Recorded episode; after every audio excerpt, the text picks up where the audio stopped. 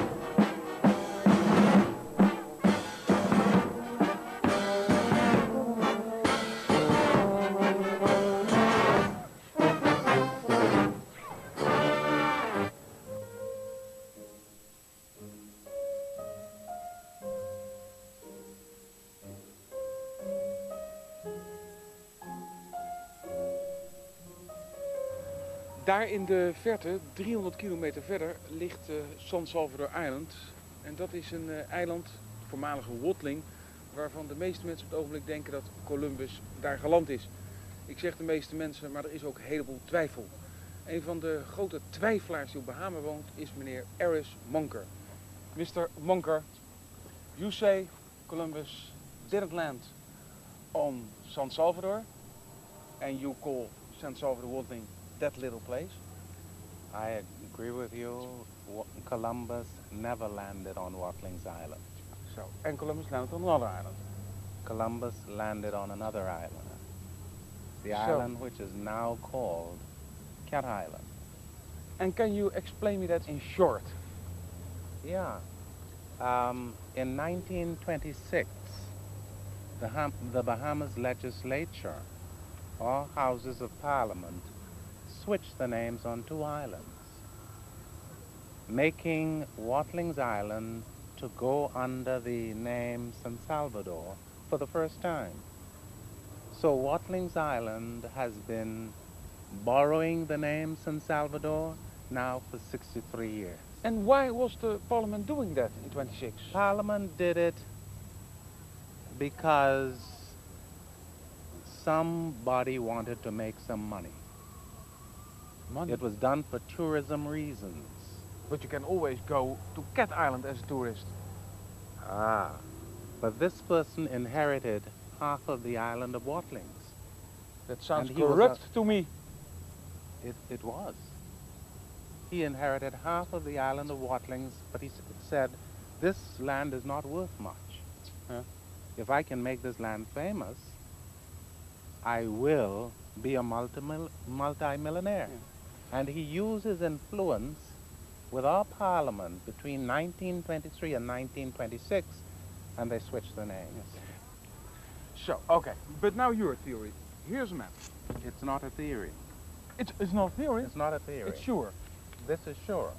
Oh. Cat, Cat Island is the only island. Yeah, it's sure for you. But not for Mr. the Mr. of the National Geographic and not for Mr. Thiele. Let me explain something. Okay.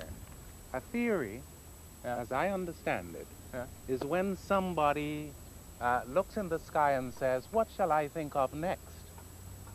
And then he says, ah, I have an idea. But he has no history that he can point to. Cat Island, my father's birth certificate says Dumfries, San Salvador. My birth certificate says Dumfries, Cat Island. Yeah, okay. Woodes Rogers, our most famous governor. Yeah. Okay. The privateer. The pr privateer. Yeah, yes. privateer, yes. He and every other governor who came to these Bahamas. See where this lovely backdrop here telling of our early history. All through our early history, Cat Island carries the name San Salvador and all records, land records, birth yeah, records, okay, death the, records. But the weak point is Columbus himself. There is no map of Columbus that you can see Cat Island is the place Columbus said, here's Cat Island and here I'm landing. There is no there is no surviving map of Columbus, period. Okay. There is only one. Northern Haiti. But it's only northern Haiti.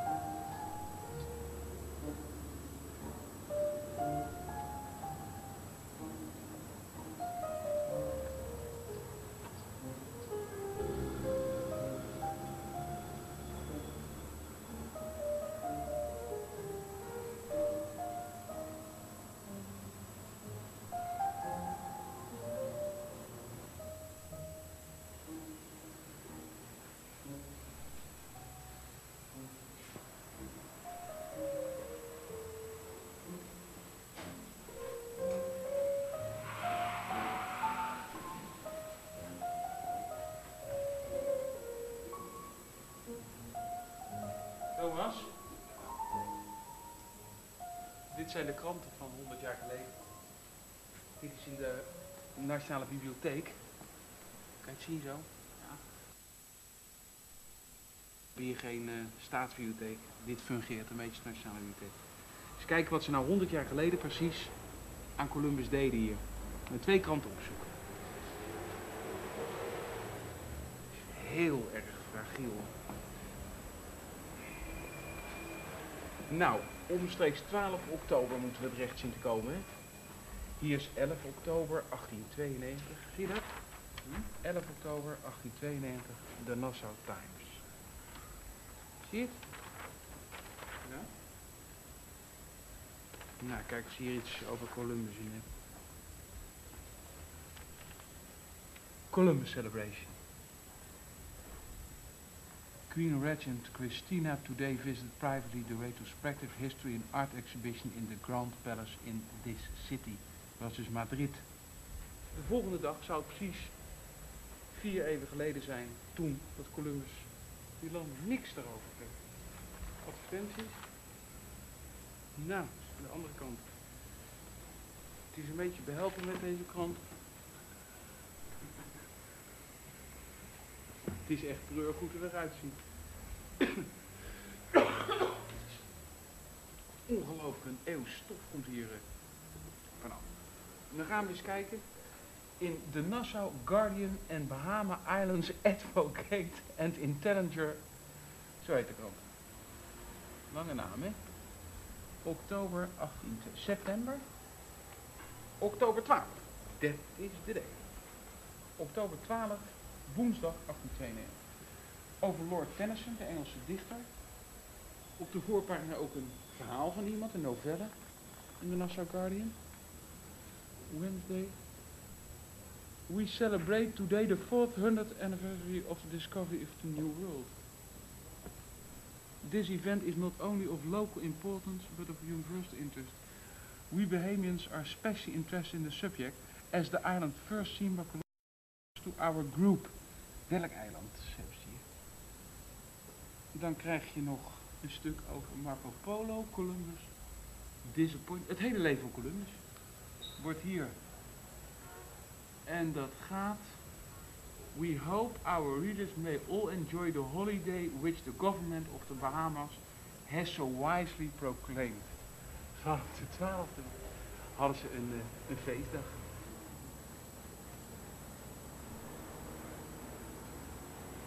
This is the right here. island This is the right is island in here. your in your history. This is right In history.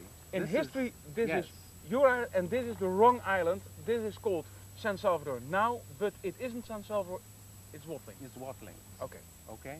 1926, it was switched. Excuse me. Maar wij gaan dus bezoeken dit eiland. Maar het is waarschijnlijk het verkeerde eiland.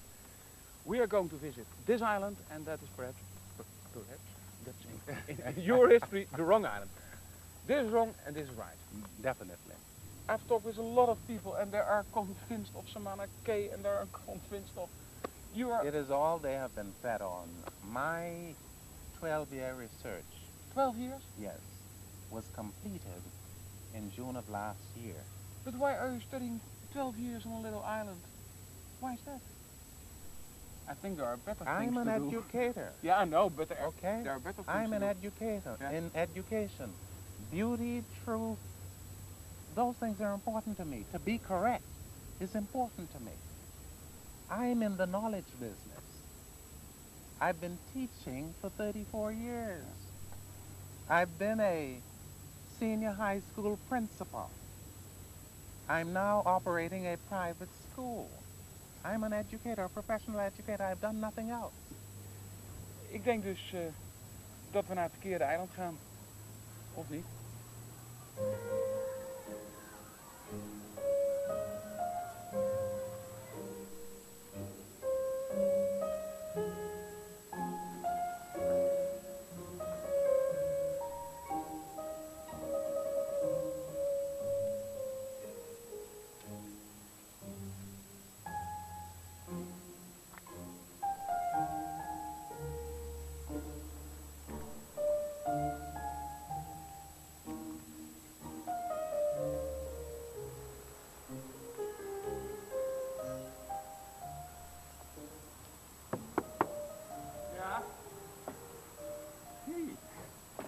Kom.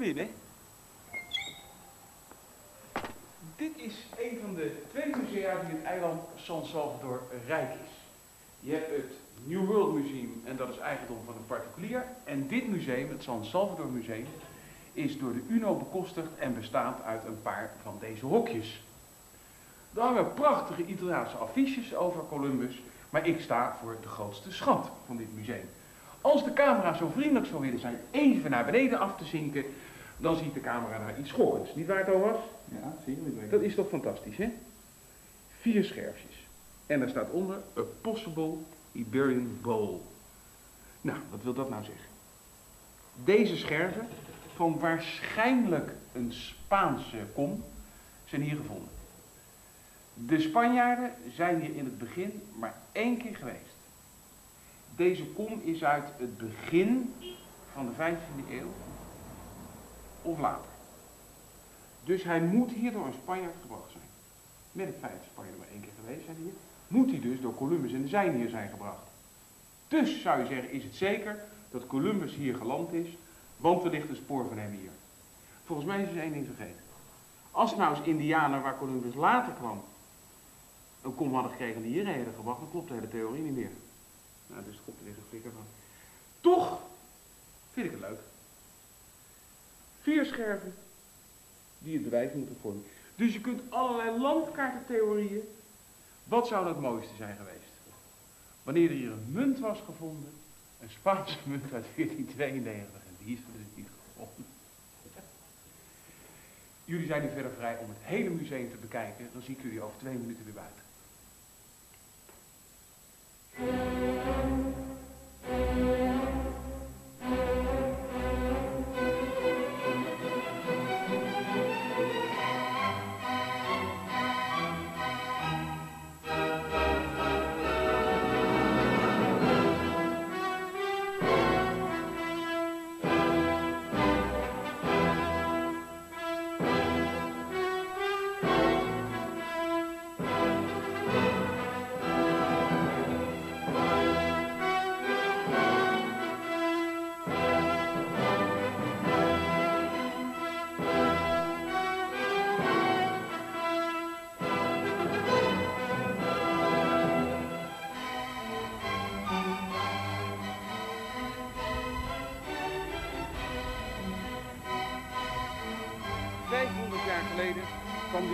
Aan land.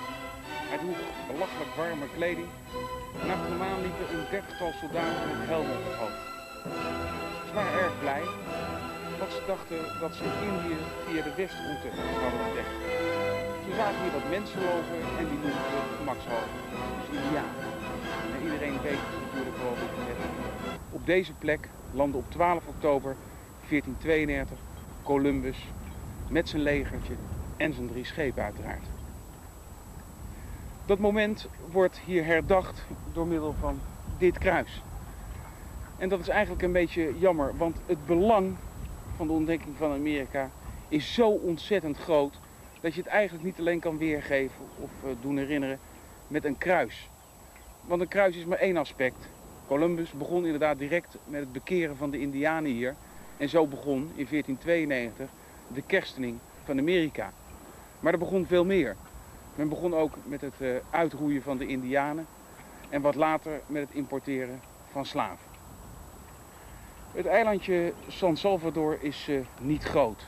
Het is zo'n 25 bij 7 kilometer en er wonen nu 500 mensen op. Geen indianen, maar negers die afstammelingen zijn van slaven. Nou is er natuurlijk één probleem. Is dit werkelijk de plek waar Columbus geland is. Ik durf er werkelijk niks meer over te zeggen, maar wel dit. Dit kruis is hier pas geplaatst in 1926. Het is een beetje karig en een beetje klein en er komt een nieuw kruis. Maar blijft die vraag aan mij vreten. Staat dit kruis op de juiste plek? Staat het op het juiste eiland?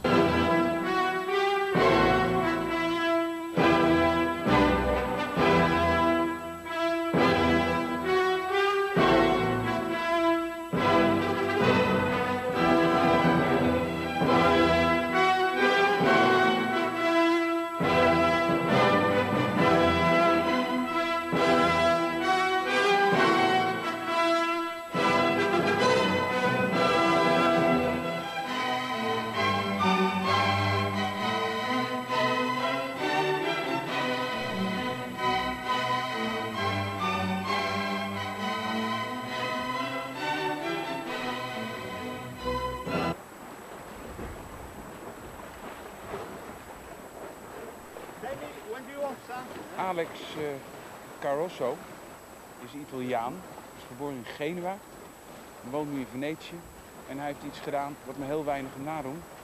Hij is met dat kleine bootje daar, is hij overgestoken van Las Palmas, Canarische eilanden naar hier. Hij heeft Columbus dus nagedaan. Hij heeft er maar zeven dagen langer over gedaan, geloof ik, dan Columbus. Maar hij spreekt Engels, dus ik kan het hem vragen. Mr. Carosso? Mr. Carosso? Hij is niet doof, maar hij hoort. Can you come ashore? Eh? Can you come ashore? Okay. Okay. Just a second. Just a second. Yeah, yeah, yeah.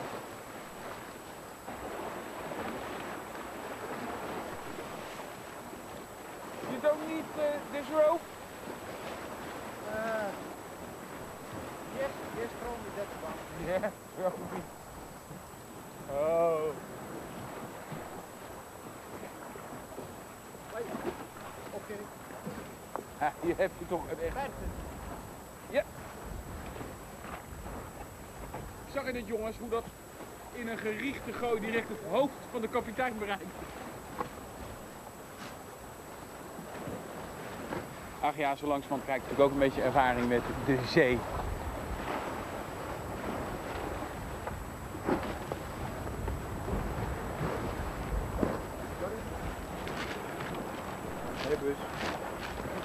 Jongens naar huis. Nou, dit is dus een, eh, een wetenschappelijke onderbouwing.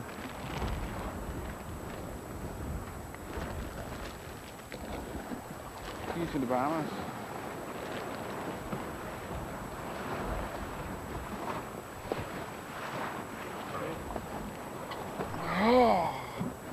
Happened. There's a lot of work coming out of the boat. Well, it's just a well, It's too high here. yes, but I think I must change the place. If the wind is veering Yeah. more, I must change place because now it starts waving coming up. So Mr. not Carosso, you pronounce it as Carosso. Carozzo. Uh, Carozzo, you did it in 40 days from Las Palmas till San Salvador. And how do you come here in San Salvador? It was by coincidence? No, no, no. I just. Uh, oh, it's a pity because I have some newspaper from Las Palmas. Yeah. I. I already was in Pacific single-handed, Yeah. sailing alone, and now after 25 years, I want to do another voyage with a basic, simple materials. And So I buy just a scrap boat in the scrap yard, and uh, I make everything with my hands, sails, and all the rigging, everything, because I want to go back. I am a yacht designer for profession. I have my own sailboat in Italy, 15 meters. But that's a better one than this. Eh? That boat is better and larger than this boat, oh yes, of course. Yeah. I have a yacht, uh, 15 meters 50 meters. long in Italy. And this, how many uh, meters is this boat? That's only six meters. Six meters.